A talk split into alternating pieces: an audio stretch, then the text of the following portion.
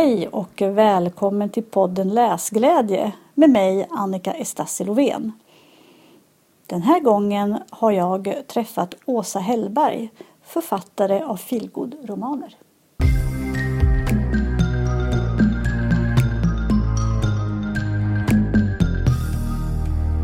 Mycket varmt välkommen Åsa, vad roligt! Ja, tack! Vi känner varandra sedan tidigare. Eh, det är nämligen så med de här författarsamtalen, ni som har varit här förut, ni vet att jag bjuder bara in sådana som jag är lite nyfikna på eller som jag har någon relation till av något slag. Och Åsa och jag har känt till varandra i ganska många år faktiskt. Ja.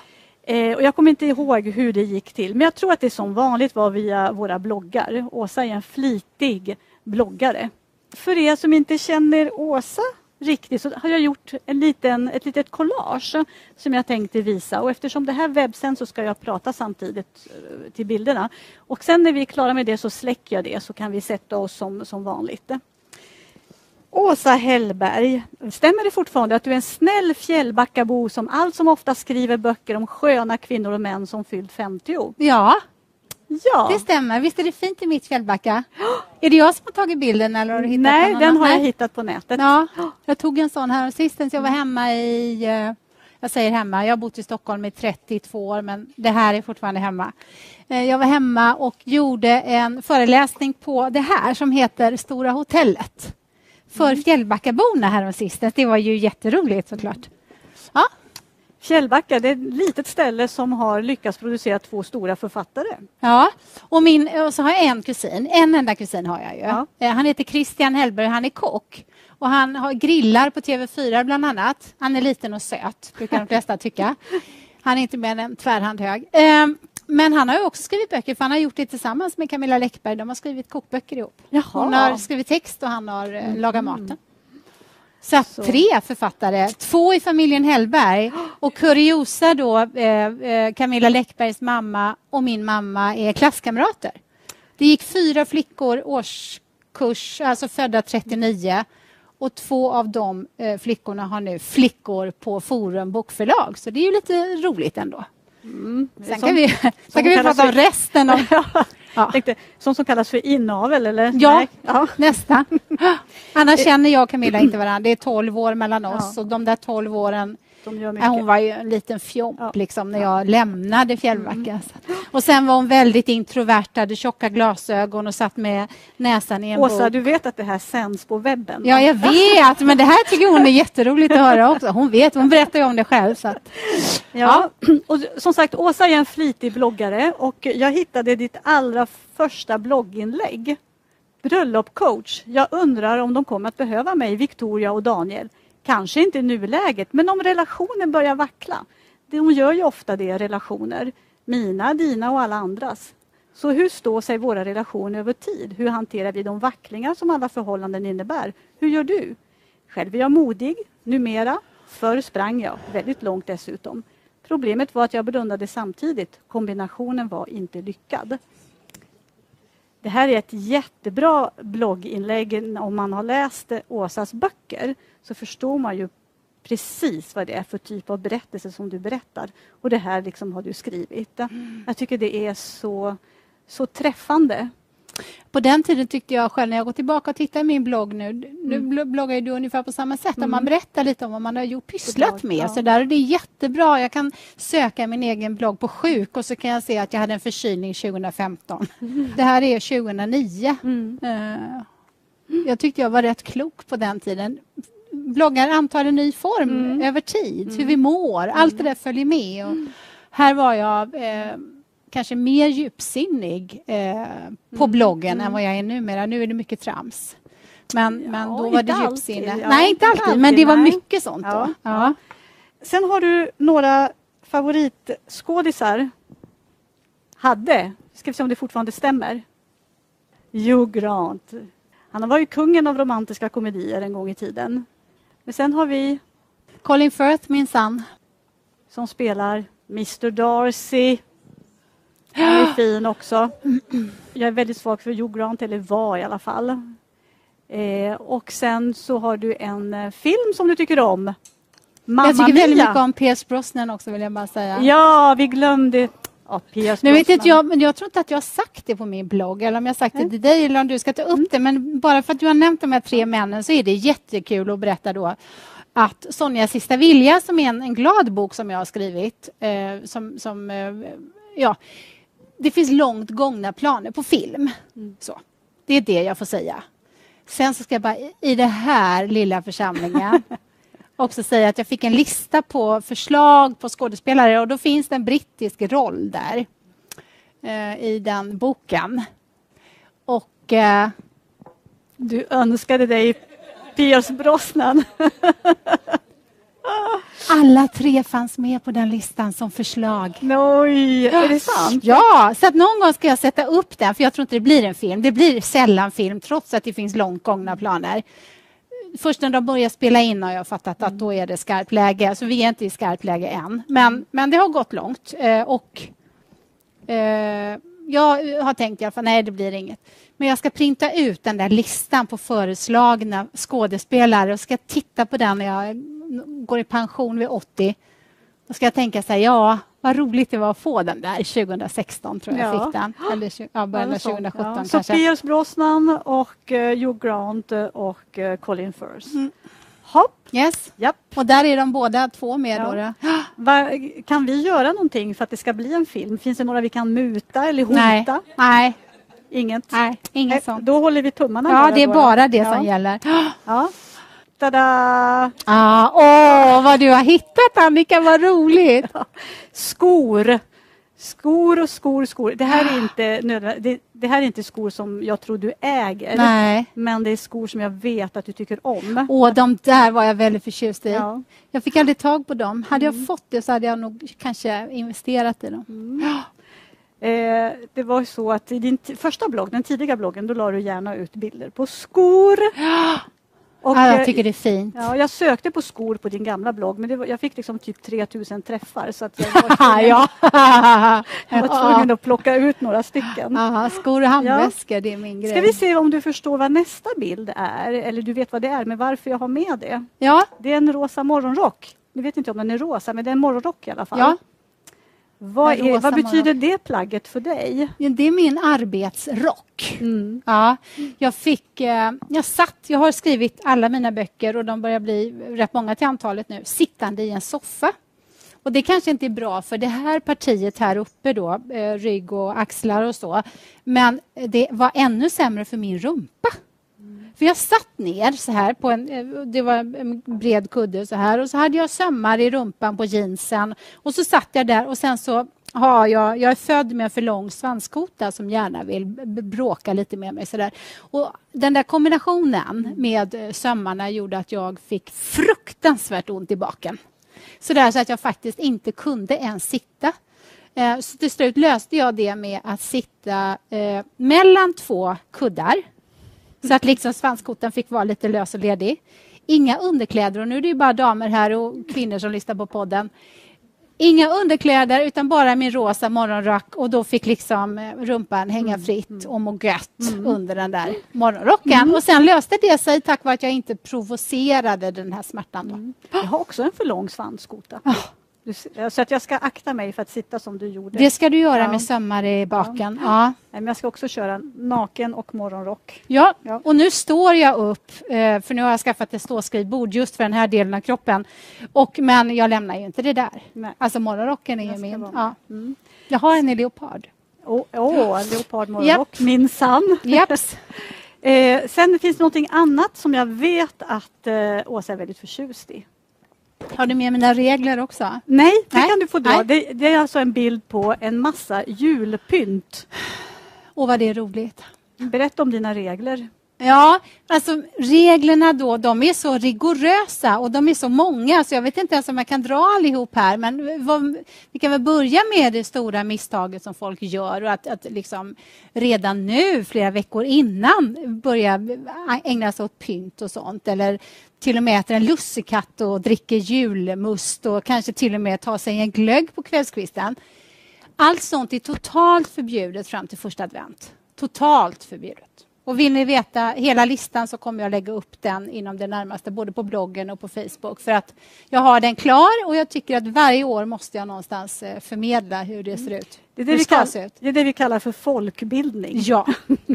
Men sen så har du gjort lite mer. Du har skrivit böcker och jag tänkte bara, eftersom jag inte har hela högen med mig, eh, det blir så tungt att bära, men jag bara jup, scrollar igenom lite. Ja. Och så tänkte jag att du kanske vill säga någonting kring var och en. Jag vet att den här är du ganska trött på att prata om, så den behöver vi kanske inte fördjupa oss. Nej, och den pratar jag jättegärna om när jag pratar själv med egen mun. Men den, jag har, eh, den släppte, det var den första boken jag släppte och det är en självbiografi som handlar om hur det är att vara anhörig till en missbrukare. Casanovas kvinna heter Ja, den. och han var en casanova, det var den typen av missbruk. Och, eh, jag gjorde så fruktansvärt mycket intervjuer och tv-program och radioprogram runt den boken. Och Det var fantastiskt på alla sätt och vis när jag fick prata själv. Men jag blev emellanåt felciterad i tidningar och så där och då blir det inte roligt längre. Men om jag får ha orden i min mun och berätta om det så här så har jag inga problem med det. Okej. Mm. Men jag ställer inte längre upp intervjuer om den utan jag kan prata så här. Ja,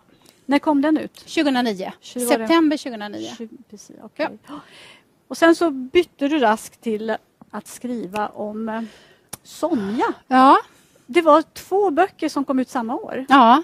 Helt en i maj och en i, November. och, i september. September. Maj, juni, juli, augusti. Ja, Mm. för den var ett, när, när jag hade skrivit klart ettan så slängde jag mig över tvåan direkt. Mm.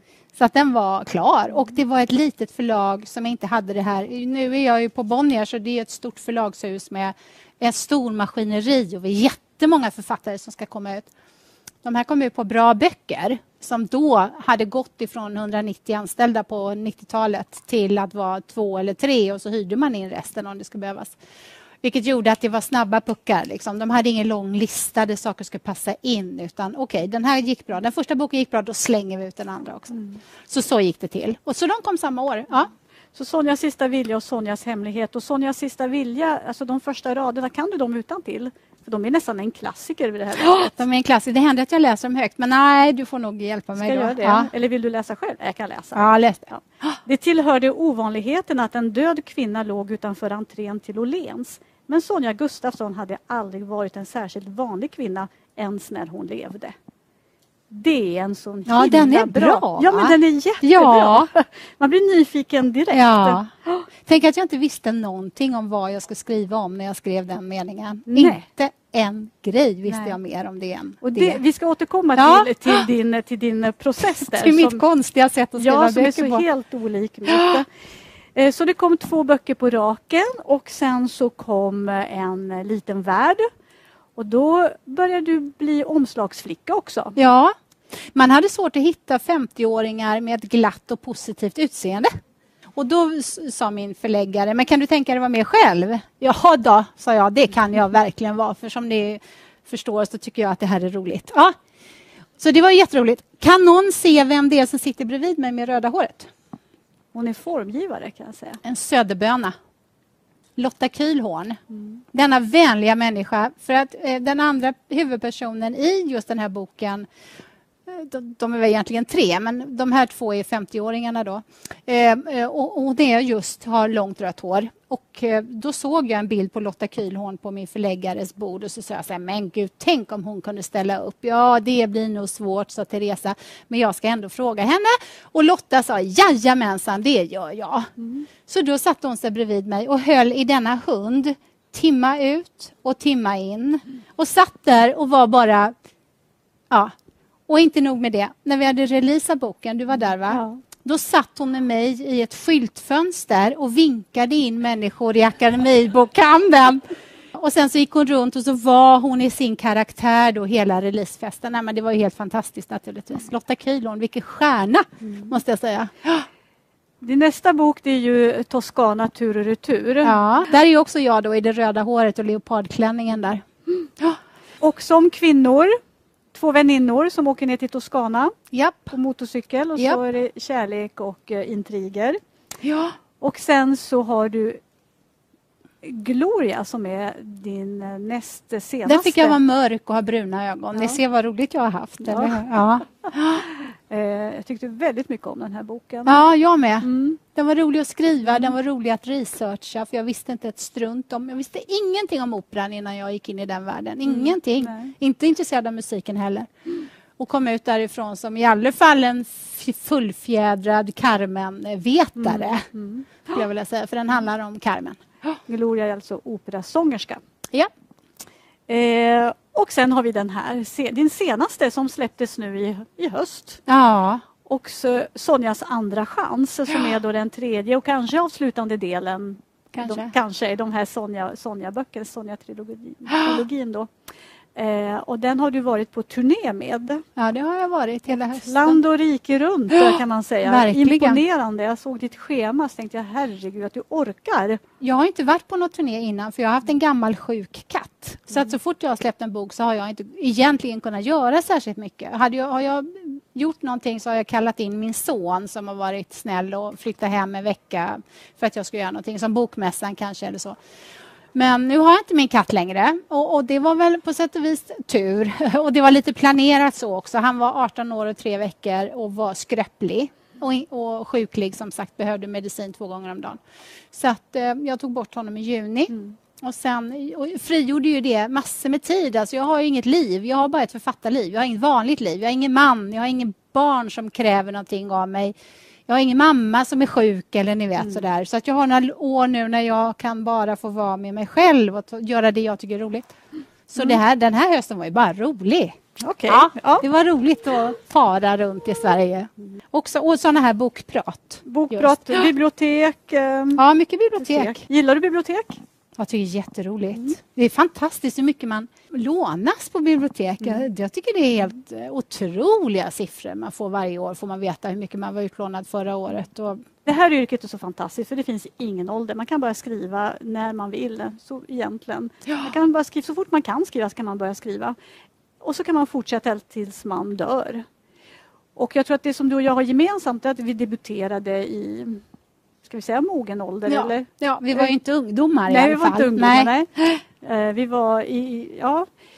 Jag hade fyllt 50 och du hade fyllt 51. Typ, ja, ja, precis. Uh, och jag brukar säga att jag hade nog, jag hade aldrig drömt om att bli författare. Så jag brukar säga att jag lever en dröm som inte jag ens visste att jag hade. Men hade du drömt om att bli författare? Nej, absolut inte. Jag skulle leda Melodifestivalen. Jag skulle vara med i Melodifestivalen själv. Jag skulle dansa bakom.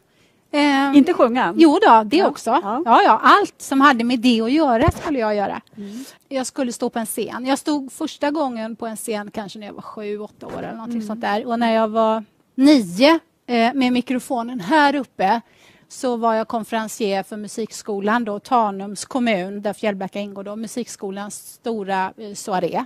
Och det var inga problem för mig. Alltså, sånt här tycker jag är bara roligt. Då. Så det, trodde, det var mycket mer givet för mig eh, att göra något sceniskt kanske. Mm. Men jag mm. tror att man kan koppla ihop det där med att berätta en historia, att få en uppmärksamhet från någon på något sätt. Man kan koppla ihop det eh, sceniska med att skriva fram den mm. historien. Så jag är en historieberättare och vilken form det än kommer i eh, har nog kanske inte varit så noga då. Mm.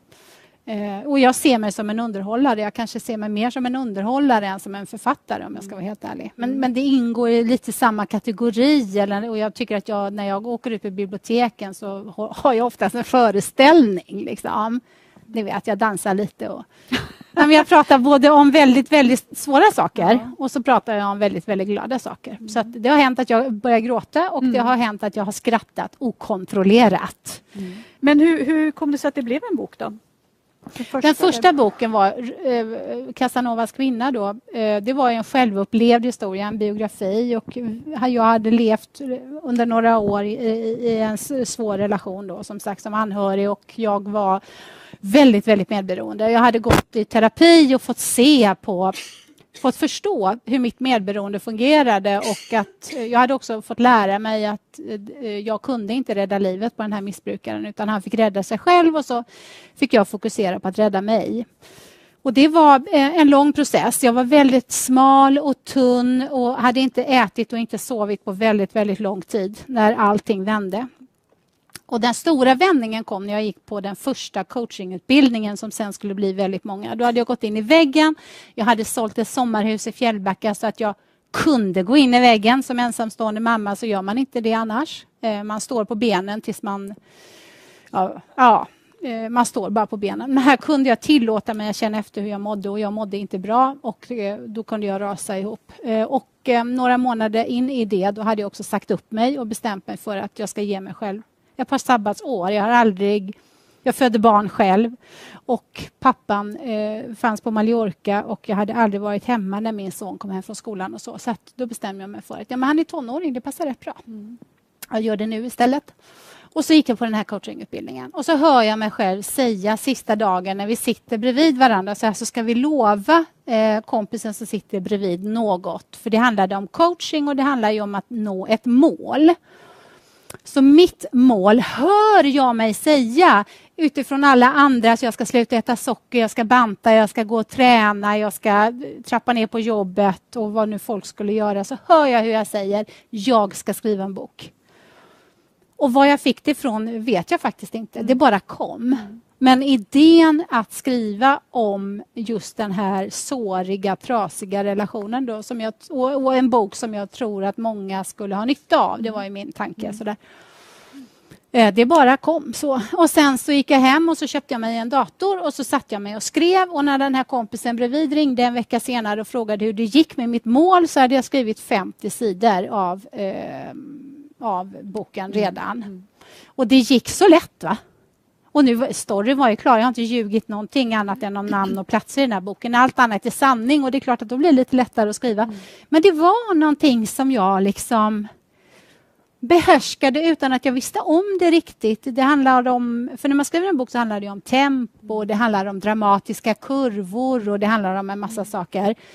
Och jag hade väl det där i mig då kanske. Jag vill ju påstå att, att det är en fördel att vara musikalisk när man skriver. Och eh, ja, det gick så lätt och geschwint och efter fem veckor så var det klart. Så då, och då visste jag att den här eh, eh boken är så brännhet. Ämnet är så brännhett. Jag var också helt eh, fast besluten av att, eh, att inte gömma mitt ansikte utan att stå rätt upp och säga det här är jag. För annars tycker inte jag man ska skriva den där boken. Eller ja, mm. nej. Den är väldigt bra. Ja, den är stark den, på den det stark, sättet ja, att den är dokumentär ja. såklart. Och eh, det finns en dramaturgi den som gör att man, man läser och läser och ja. läser. Man vill veta hur det ska gå. Jag tänker att vi alla, om, om man ska skriva en bok så eh, har man, man har talang i alla fall för något. Vissa har ett språk som är vackert eller an, och andra har den här melodin i språket som jag kanske har då eller tonen eller vad man nu vill kalla det då eller och, och dramaturgin. Och det, bara man har något så kan man lära sig resten. Mm. Jag tror att det är svårt om man inte har något. Mm. Men har man bara någon talang så där så... Uh, ja. Men sen, sen då dina kommande böcker, då blev det ju bara, då blev det fiction? Från, ja, det blev det. Det tog en stund. Det mm. tog en stund att gå från eh, svart dramatik, om man får kalla det så, den självbiografin, till det här glada, lättsamma i eh, Sonjas sista vilja då. Mm. Och det är tre år mellan de här böckerna kom ut, två och ett halvt ungefär. Det tog, ja, det tog nog eh, nästan två år, ett och ett halvt, två år innan jag kunde skriva någonting som var befriat från den enorma svärtan. Mm. Men varför blev det då just uh, romantiska, en romantisk komedi? Det vet jag inte. För? Det är bara, okay, nu kommer vi till det här, det här som är så jobbigt med Åsa. För att Åsa sätter sig vid en dator och så väntar hon en stund och sen så går fingrarna bara. Och så rinner ut någon berättelse. Ja. Ja, men det där, så där får man inte, det är fusk. Ja, jag vet. Det är jättekonstigt. Och nu, nu har jag pratat om det så mycket och folk förstår mm. inte riktigt. Men och jag vill jämföra det med, eh, om, om ni tänker er en, en pianist som ska skriva en symfoni. Så inte sjutton går han runt ute i skogen och tänker på hur ska det låta, hur ska det låta, hur ska det låta. Nej, han behöver sitt instrument. Han sätter sig vid pianot och så spelar han och så. Nej. Nej. Mm, där låter det bra. Och så fortsätter han. Och precis så är det för mig. När jag får mina fingertoppar mot, mina, mina fingertoppar mot mitt instrument som jag kallar min dator då, så händer någonting. Det är någon slags mm. slussport där som öppnas. Någonting händer i den här kontakten.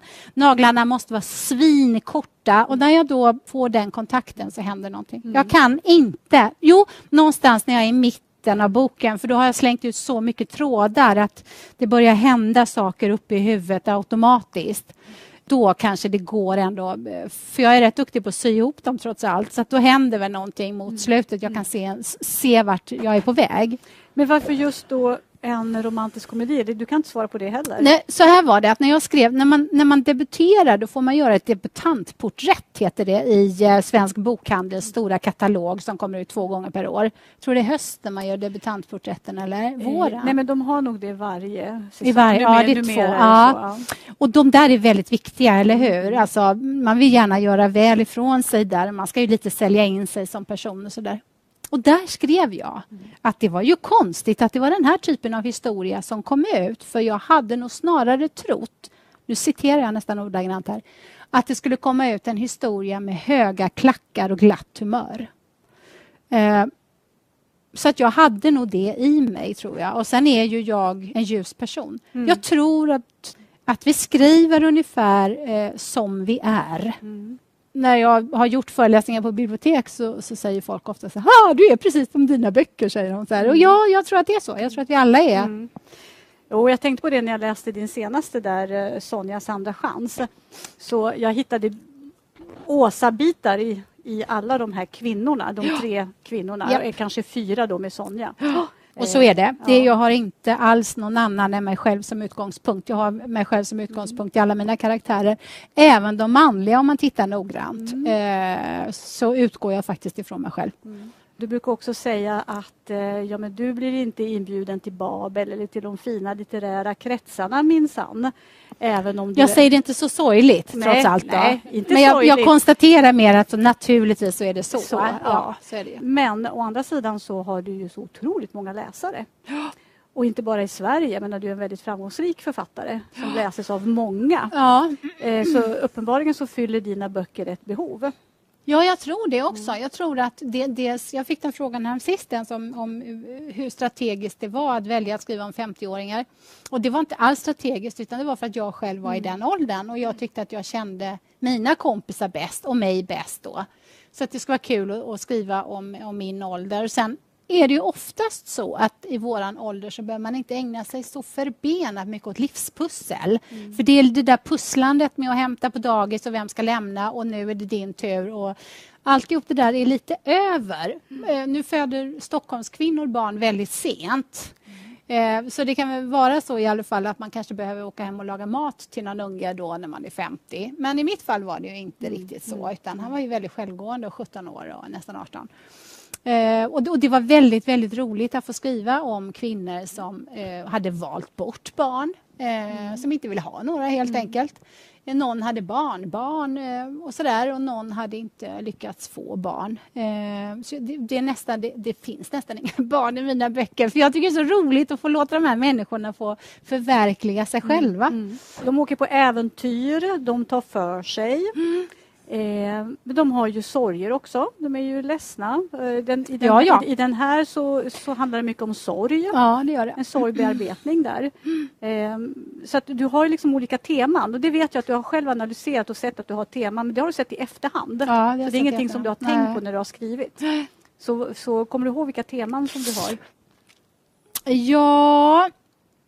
Eh, Nej, inte så där nu när du frågar Nej. varför det. Nej, det var en kuggfråga. Ja, det var en kuggfråga. Ja. Men det handlar ju oftast om, om frigörelse och det handlar om att mod, att mm, våga göra någonting mm, nytt, att mm. våga förändra sitt liv, att våga ta chanser, att eh, eh, Ja, att riskera att, att saker och ting går åt helvete men sen vinna på slutet på ett eller annat sätt mm. Kanske. Och, och, i den här boken, din senaste, så handlar det också, som jag tyckte, om att eh, våga eh, inte öppna upp sig, men våga kanske ge upp sin, lite grann av sin frihet för att få någonting annat. Jag tänker på att eh, en av dina karaktärer där vill eh, inte gärna flytta ihop eller gifta sig Nej. och vill ha sin frid. Det här är oerhört viktigt för henne. Ja. Vad, vad jag låter henne göra eller vad jag gör, låter de här karaktärerna göra är att de ska få välja, tycker jag, då i den här åldern. För nu, förra gången vi träffade dem så var de nykära och allting var så puttinuttigt och gulligt och de var 50 och nu är det 55 och nu är de 55 och 60. Det är sju år senare och på sju år kan mycket hända. Det är inte så himla gulligt längre kanske.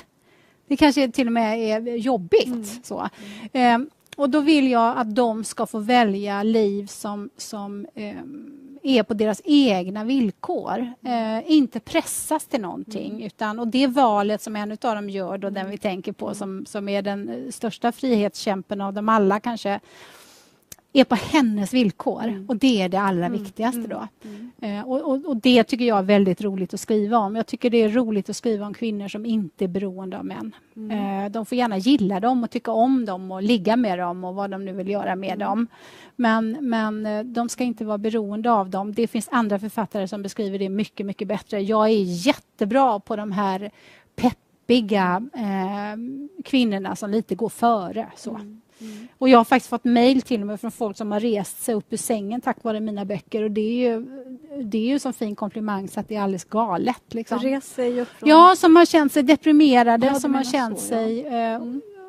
Och det har varit svårt att ta tag i mm. livet och de har inte riktigt vetat vad de ska göra men ändå fått en inspiration då utav att läsa om, om kvinnor som, som kan, trots mm. allt. Då. Och de här kvinnorna har också bra män. Det tycker jag är sympatiskt. Ja, att, ja. Du, att du beskriver, alltså det är inte skitstövlar. Nej. Utan det är väldigt sympatiska män. Jag tänker på hela den här metoo-debatten som är nu. Eh, så är det befriande att se att det finns faktiskt många bra män. Och det också. tror jag inte metoo säger att det inte gör heller. Mm. Men det är lätt att liksom få den uppfattning plötsligt. Så är det så här, åh, eh, jag såg precis nu att eh, vår kulturborgarråd har ju avgått. Så tänkte jag det också. Men, eh, men som sagt, det här är väldigt trevliga män eh, och det är roliga kvinnor. Du har skrivit ganska många böcker nu utifrån det temat. Och tänker du då att ja, men det här gillar jag, det här fortsätter jag med? Eller blir du nyfiken och tänker att ja, det vore spännande att testa någonting annat? Kanske inte en blodig deckare direkt, men... Eh, ja, jag har skrivit nu då, jag har skrivit en femtedel av en ungdomsroman som just nu ligger mm. på Bonnier Carlsen för mm. bedömning. Mm. Så på måndag vet jag om det blir utgivning av den eller inte. Som är inne lite grann på, på metoo-temat faktiskt. Mm. Eh, som jag, det här skrev jag långt, långt, långt innan metoo. Mm. Så att, eh, det är inte så att jag har hakat på den, men den råkar råkar bara komma precis då. Men nu är det en utgivning på den i så fall 2019, så det ligger ju långt fram. Men så det, då får jag prova att skriva någonting annat. Det är ju jättekul. Mm. Och sen så försöker jag inför varje bok, och det kanske inte ni som läser tänker på då, men jag försöker göra någonting nytt inför varje mm. bok. Så att Sonja-böckerna är ju en sak, men sen har vi då Gloria där det är en huvudroll bara, om man får mm. kalla det huvudroll. Mm. Där jag har eh, 60 kapitel eh, där vi har en, ett kapitel per dag. Det är ett nytt sätt att skriva mm. på. Alltså det, är, det är utmaningar som jag ger mig själv. Då. Sen som läsare så kanske man inte tänker på det riktigt på det viset. Är det inte det som är otacksamt med det här yrket? Att man lägger ner så mycket jobb och så läser bara läsaren så här tjoff och sen efter... En... Och gör ingen analys, Nej, ingenting. och sen efter, bara, och bara haft trevligt och så tänker man jag har lagt ner jättemycket jobb på det här. Ja, nej, men så kanske det. Men jag tror att jag är, är eh, extremt, eh, har inget tålamod överhuvudtaget mm. så jag måste hitta någonting som är roligt för mig mm. att göra. För mm. att skriva samma, samma, samma, nej det går inte även om nu läsarna mm. upplever det som det är samma. Då, så är är det inte det, nej, det nej, tekniskt. Men, nej, nej, utan samma det tycker jag nog inte heller att det är. Utan det är väl det att det kanske är en genre. Eh, som jag säger, romantiska komedier, eller feel good som man säger idag. Det är ju så brett den här termen. Så jag skulle säga att det som skiljer mycket då den glada litteraturen, eller rättare sagt må mm. bra-böckerna mot den finare litteraturen, det är att i må bra-böckerna löser man sina problem. Man stannar inte i problemen. Mm. Eh, det gör man kanske mer i den finlitterära världen. Så mm Mm. Går man in med ett problem och så har man samma under hela boken och sen så går man ut med samma problem. Så gör man inte i en feel bok utan där måste det ske någon form av mm. utveckling av mm. karaktären. Och sen så ska den gå ur boken på ett annat sätt än den gick in i mm. boken. Mm. Och den måste gå ut med hopp. Mm. Det är skillnaden. Liksom mm. Och nej, jag kommer alltid skriva hoppfulla böcker. Jag skulle tycka det var jätteroligt att prova på att skriva en deckare men jag tror inte att jag kan göra det på Bonniers. Bonniers har tillräckligt med deckarförfattare. Mm. Jag tror att Bliv vid din läst är, är lite grann så. Kanske, kanske. Ja. Men, men, men, det finns andra format man kan testa idag. Jag har blivit inbjuden till någonting som heter Bookery att skriva någonting för dem. Mm. Bonnier Bookery, och då, då är det kortare texter och det kanske bara är e-böcker eller ett digitalt format. Och Då finns det möjlighet för mig att testa någonting annat och se om det skulle vara roligt. Men du är väldigt framgångsrik eh, som ljudboksförfattare. Så ska ja. jag säga. Men på Storytel, dina böcker lyssnas ju väldigt ja, mycket på. Ja, det gör det. Och numera kan man ju skriva originalberättelser för Storytel till exempel, bland annat. Ja, det finns ju flera. Är det någonting som lockar dig? Uh, ja, om de betalar mig jättemycket pengar.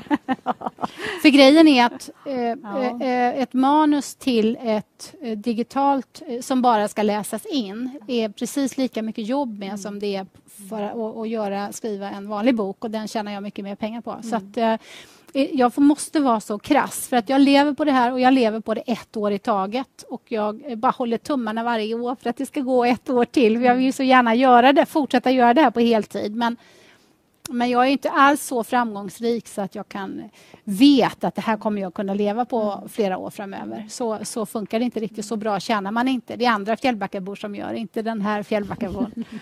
Utan det är ett år i taget. Mm. Eh, så att eh, jag måste titt, faktiskt värdera eh, mina projekt utifrån också ek, ett ekonomiskt perspektiv. Och då är det inte tillräckligt bra betalt för det jobbet man lägger ner. Mm. faktiskt. Så är det. det är nämligen så bland författare så, det, så pratar man ganska mycket om det här med ersättningen för ljudböcker. Att det är mycket, mycket sämre ersättning än det är för vanliga pappersböcker. Därav.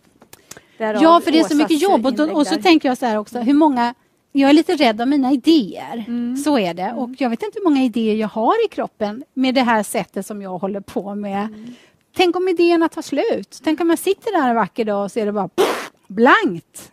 Så kan det ju vara, mm. inte vet jag. Men än så länge har inte du drabbats av Nej, det har jag inte gjort. Nej, det har jag inte gjort. Och jag ska också säga det kanske då, så att man inte låter alldeles, alldeles konstigt, att jag ofta har, har sett en bild framför ögonen på en huvudkaraktär, så att jag ändå har sådär en hyfsad koll på en huvudkaraktär. Och på, I Sonjas sista vilja så såg jag två kvinnor gå i en tredje kvinnas fotspår. Den bilden såg jag framför mig och det var i London.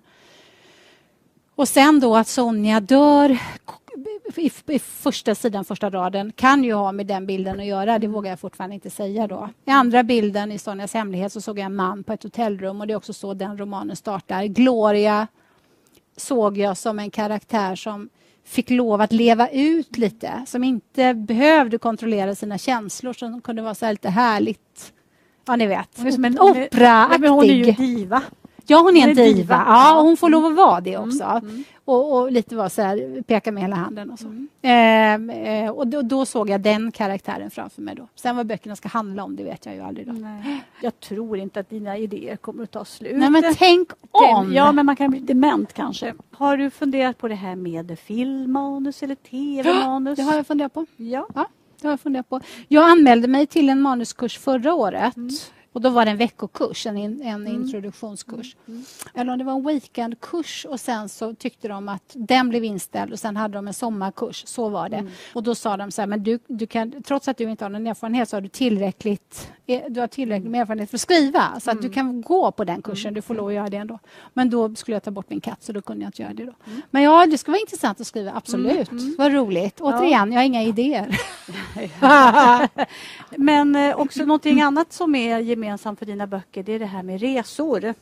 Att eh, de, dina karaktärer reser gärna. Och det vet jag att du har väl ett eh, förflutet inom resebranschen också? Ja, det har jag. Jag jobbat ja. som flygvärdinna i några år. Så att, eh, på sätt och vis har jag det. Jo, men, men jag tror att de gör så mycket resor handlar mycket mer om min egen otålighet. Okay. Ja. Mm. Alltså, jag har inget tålamod.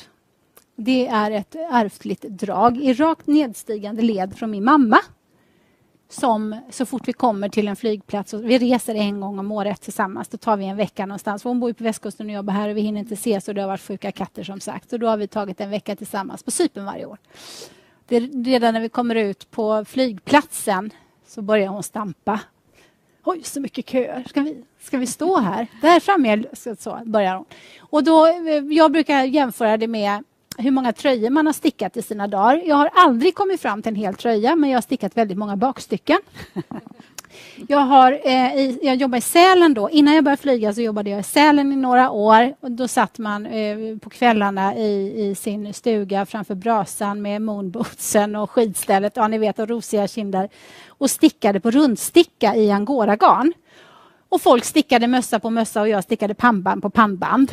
För efter när jag kommit så här långt så tröttnade jag. Det var ju för, ska jag behöva se så här mycket till. Och sen har jag målat fondväggar och då skulle det naturligtvis egentligen ha varit hela rum. Så där förstår ni ungefär mitt tålamod. Men av någon anledning så genomför jag de här skrivprojekten mm. som ju är så långa och de, är, de tar flera månader och det emellanåt går det lite trögt och man kämpar och man kämpar och man kämpar och man kämpar. Så att, mm. Ja, på det sättet då så, så tänker jag att jag tar mig fram i den här eh, trögheten som det trots allt är att producera ett manus genom att det händer fruktansvärt mycket i mina manus. Mm. Ja, de, de är väldigt De är överallt. Va? Och jag menar, i vissa böcker så kommer man över ett köksgolv under ett kapitel. I mina böcker kommer man över en kontinent. Mm. för det är så jag skriver. Liksom, mm. så.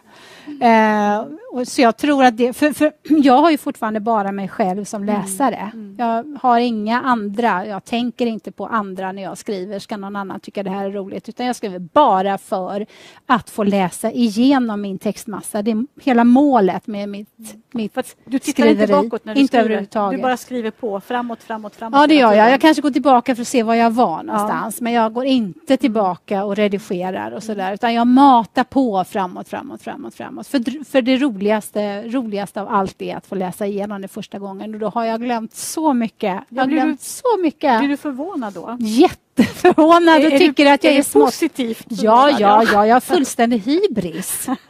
Jag är genial och jag är rolig och jag är liksom allting ända till dagen efter för då börjar jag redigera och då kanske det inte är så kul längre. Men den första genomläsningen då. Och för att jag ska ta mig fram till den så måste det hända mm. grejer mm. för att jag ska tycka att det är mm. roligt. Men du är oerhört disciplinerad. Ja, alltså, enormt. Ja, ja. För att, eh, trots fondväggar och pannband och så, så, så är du Alltså du är ju enveten. Jag vet ju liksom, ja. jag följer din blogg och så att du, är, du sätter mål och du följer dem ja. där och du ger dig inte. Nej, jag är väldigt, väldigt strategisk och jag missar aldrig en deadline och jag är väldigt mm. på sådär. Men jag ligger också väldigt, väldigt långt före för att när jag blev antagen på Bonnier så gick det ett och ett halvt år ungefär mellan Sonjas hemlighet som var nummer två på Sonja och sen En liten värld där den kom ut. Och då var den, när jag blev antagen var ju manuset redan färdigskrivet. Mm. Så då hann jag skriva ett manus till egentligen mm. på den vägen. Så att jag ligger ett manus innan. Så nu har jag skrivit på avtal på den boken som ska komma 2019 Jesus. i augusti, september. Mm. Mm. Då påbörjar jag en ny trilogi antagligen. Och eh, den boken som kommer då eh, om ett år eh, som kommer att heta Ett oväntat besök, vet vi idag. Eh, den var redan färdigskriven när vi bestämde oss för att slänga in en ny Sonja som jag skrev på tio veckor, tror jag. Eh, så den har legat mm. färdigskriven eh, sedan 2015 mm. kanske. Någonting ja. sånt där. Så att jag är väldigt ute i god tid vilket gör att jag har mycket tid över. Och jag har, eh, men, men, men det handlar också om att jag är strukturerad. Jag är strukturerad, jag har inga barn, jag har ingen man. Jag har ingen, ingenting, jag har, ingen, jag har ingen liv. Nej. Nej. Så var det. Just det. Och sen när vi pratade förut om att du är ute och reser, just nu är du på din turné och så där. Samtidigt så beskriver du dig själv som en introvert person. Ja, det är jättemärkligt. Ja. Men, men, men, men det är någonting jag har kommit på med åren så där att jag hämtar kraft ur ensamheten. För att vara extrovert eller introvert handlar ju egentligen om var du hämtar kraft. Mm. Eh, inte så mycket om hur du är som mm. person kanske. Eh, så att jag hämtar kraft ur min ensamhet hemma i min lilla lägenhet där jag går runt eh, dagar i sträck utan att ens prata med någon annat än via sms. Mm. Sådär. Har inget behov av det överhuvudtaget. Och så samlar jag kraft och så kommer jag ut och så får jag liksom vara ute och, och men det tar på min kraft att vara ute och vara det här... Eh, det är då du står på scenen? Så ja, just du har liksom din föreställning ja, kan man säga. sen går du tillbaka in ja, ja. till ditt då. Men, men jag vet att en, en väninna till mig hon blev sen psykolog. Mm. hon kallade mig för social ensamvarg ja. en gång i tiden. Och Det var väl när jag inte ville följa med på alla de där fikorna och så där som de höll på med tjejerna eller alla tjejmiddagar och så där. Det var inte min grej riktigt. Nej.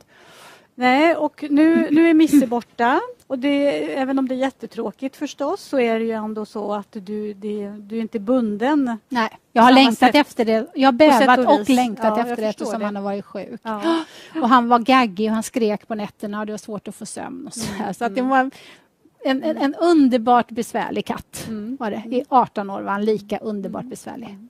Och nu så står du med huvudet i flyttlådor ja. och ska röra på dig i lägenhet. Och, ja. Men om du tänker framåt då, eh, vad har du för vision, för drömmar? Inga alls faktiskt. Jag, Nej. jag är alldeles för realistisk, jag är mm. totalt oromantisk och jag är liksom... Hur långt framåt planerar du då? Ja, jag planerar... Så, så här är det, att om nu den här ungdomsboken skulle bli antagen då har jag pratat med förlaget om att det, det manuset ska vara klart 1 april. Mm. Jag har också skrivit på för den här nya trilogin som ska komma ut 2019. Det manuset ska vara klart 1 april. Okay. Och sen så ska ett oväntat besöksromanen slutredigeras mm. innan sista december. Så jag har rätt mycket att göra framöver kan man väl säga. Och okay. jag ska flytta. Ja, du lär inte vara sysslolös. Nej, nej jag kommer nej. inte vara sysslolös. Men visionärt så vet ja. jag ju faktiskt inte. Nej. Jag eh, hoppas att jag får vara frisk. Mm. Jag, det är det enda jag tänker på egentligen mm. som, som liksom ska mm. sätta käppar i hjulet. Eller att det på något sätt att, att mina, min, min familj får, mm. att de får fortsätta må bra. Mm.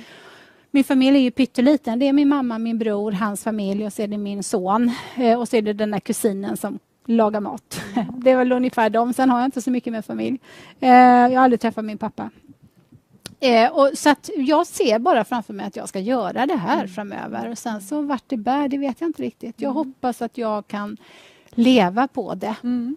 Jag jobbade tidigare på Craft Foods i Upplands Väsby. Jag var ensamstående mamma. Jag har varit ensamstående sedan Jonathan var spermie. Och jag åkte varje dag från Farsta där jag bodde till Upplands Väsby Eh, han var på dagis och varje sån här vinterdag så bävade jag när jag tittade ut genom fönstret ifall det skulle snöa ute. För att då var jag tvungen att lämna företaget och ta mig tillbaka till Farsta eh, där jag bodde. För att jag hade ingen annan. Min, min, hela min familj bor på västkusten. Pappan hade flyttat till Mallorca och jag var helt ensam med Jonathan. Så att började snöa, då drog jag och då kunde chefer stå och hytta med näven och vi har minsann i mig möten och jag gjorde så och så drog jag.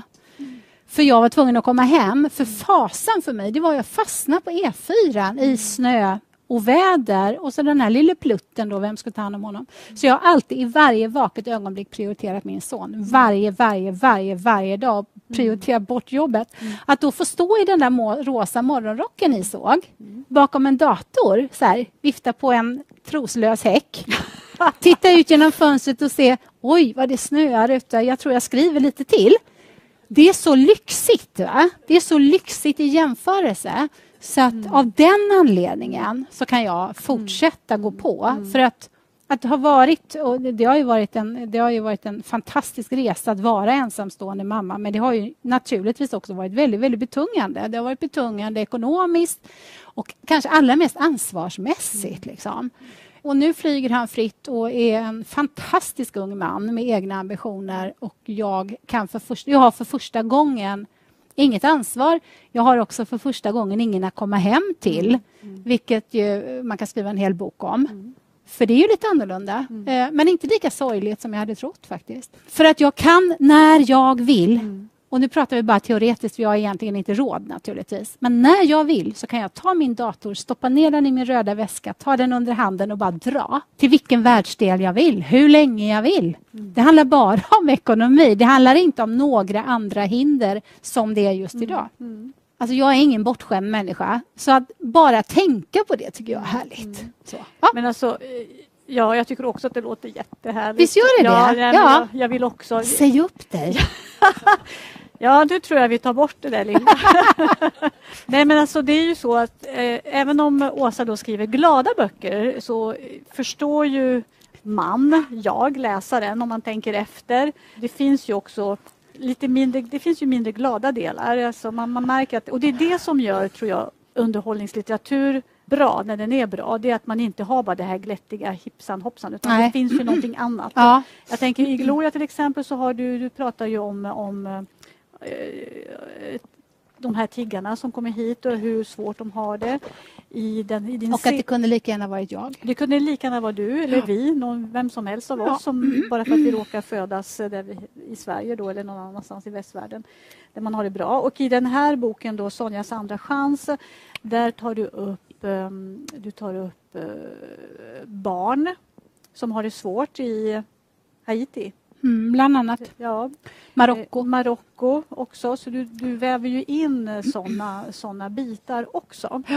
Eh, vilket jag tycker väldigt mycket om. Mm. För då förstår man att det finns liksom, det finns, det blir, det finns ett Jag, jag tycker man kan där. prata om allvarliga saker i, även i underhållningslitteratur men man kanske virar in dem lite i något glatt papper, i något glättigt papper eller att, lite cellofan runt sådär så att det inte blir sådär... Uh, det är men inte det- så det ska vara. Nej, det Utan, blir det här saltkornet eh, ja, precis. Ja, precis. Ja. Det tycker jag är väldigt skickligt gjort av Oh, dig. vad bra, Ja, tack. men jag, läser, jag läser Åsas alla böcker så försöker jag lära mig. Vi ska snart avsluta men jag hittade en eh, liten frågelista eller någonting som du hade svarat på på din blogg tror jag. Så att jag tänkte, och det gjorde du nog för flera år sedan. Ja. Det så alldeles för få människor som ställer frågor till mig på bloggen. Jag Ja. tycker det är jättetråkigt. Ja. Jag älskar att svara på frågor. Ja. Ska vi se. Vem skulle du helst vilja se i en boxningsmatch mot Donald Trump? Då för några år sedan så var det George Bush men jag bytte då till Donald Trump. Jaha! Vad Svarade jag på det? Ja. ja det gjorde jag. Ja, Ja, du ville själv stå i den. ja. Är vi förvånade? ja men det var ju väldigt intelligent måste jag säga. Ja, nej, ja, nej jag kan inte säga det riktigt. Nej. Nej. Eh, vad kommer du att uppfinna i framtiden? Men jag skulle ju på något sätt lösa världssvält och eh, sånt. Jag vet inte på vilket sätt naturligtvis. Nej, nej, men det, det det, det, det, det var Det jag skulle göra. nej. Vad är du riktigt rädd för? Vad är jag inte riktigt rädd för? Du låter ju som en väldigt stark person. Ja, det också. Mm. Men jag är, jag är, eh, jag är rädd...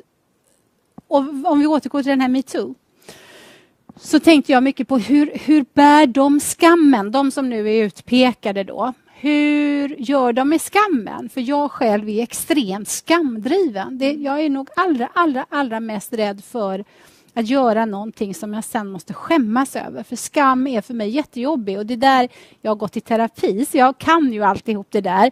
Men jag tänker också de som blir utpekade i mitt vad gör de med skammen? Eh, och eh, då pratade jag med min psykologvän Simona Arnstedt som ni säkert känner till också. Och hon sa så här, det finns nog inte så mycket skam där så du kan nog släppa det för att de tycker inte de har gjort något. Vad var jag rädd för då? Höjder förstås. Ja, det var väl något sånt. Ja. Ja. Nu har jag flyttat till sjunde våningen så det var en bra träning då. Men bästa resmålet då? Du är ju en beresperson. New York. Mm. Varför då? Varför just, just Ja, jag vet inte, men det är någon, det säger, alla säger Mm. det. Och så, så frågar man varför, så säger de, det är någonting med den där stan. Mm. Ja, för det är det.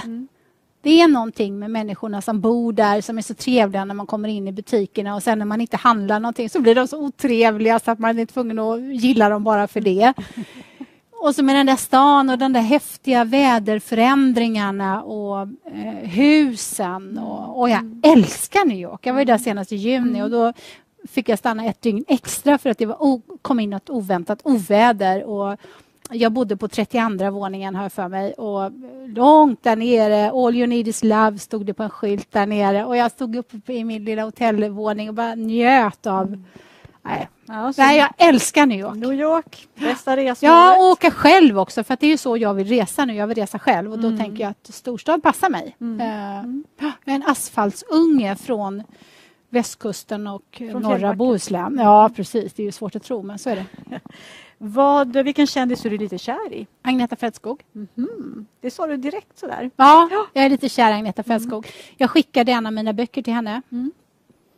För att jag är lite kär i henne. Hon är den enda kändisen jag tror jag skulle nästan inte klara att hälsa på. Alla andra skulle jag nog kunna säga tjena tjena. Men Agneta Fältskog, va? Ni fattar. Då skickar hon ett kort, ett signerat kort och så skriver hon Tack snälla rara Åsa för den fina boken. Eh, ja, någonting mer, kram Agneta. Mm. Det har jag ramat in. Ja, det står på mitt skrivbord som en sån där... Ja. Vad har du för laster? Eh, Lypsyl, Ja, just det. näsdroppar periodvis. Men jag dricker ingen alkohol och jag har inte rökt på tusen år. Och, eh, ja, så att jag är... Ja, och vilket plagg kommer du aldrig att ta på dig igen? Oj! Ja, tyvärr måste jag väl säga något tajt klänning då. Det tycker jag är ju jättetråkigt. Men så är det. Ja. Om du blev erbjuden att vara med i Let's Dance, Ja, skulle du garanterat. Ja. Jag kan inte förstå att inte min kampanj har nått dem än. Min kusin då, Christian har tydligen blivit erbjuden att vara med flera gånger. Mm. Jag sa, men säg att jag vill vara med då. Har han blivit erbjuden? Ja, flera Men gånger. han säger nej. Ja, han säger, han påstår att han har två vänsterfötter. Mm. Men Ja, idiotiskt. Ja. Han är ju en, liksom, han är en bra personlighet sådär. Så att, Mm. men äh, ja, jag skulle jättegärna, gud vad jag skulle göra mig bra där. Ja. Och dansa kan jag ju va? Tror jag. Ja.